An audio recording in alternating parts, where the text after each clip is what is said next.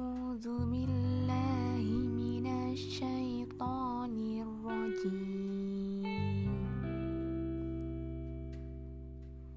بسم الله الرحمن الرحيم.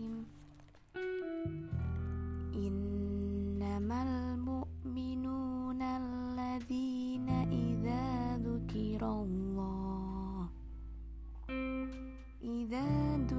الله وجلت قلوبهم وإذا تليت عليهم وإذا تليت عليهم آياته زادتهم إيمانا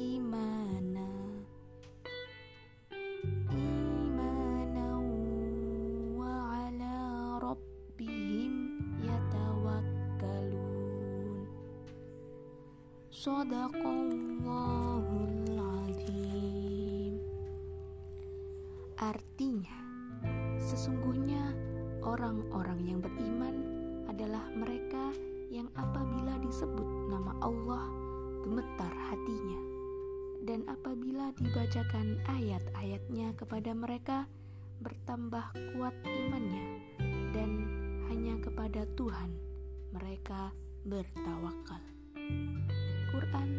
Surat Al-Anfal ayat 2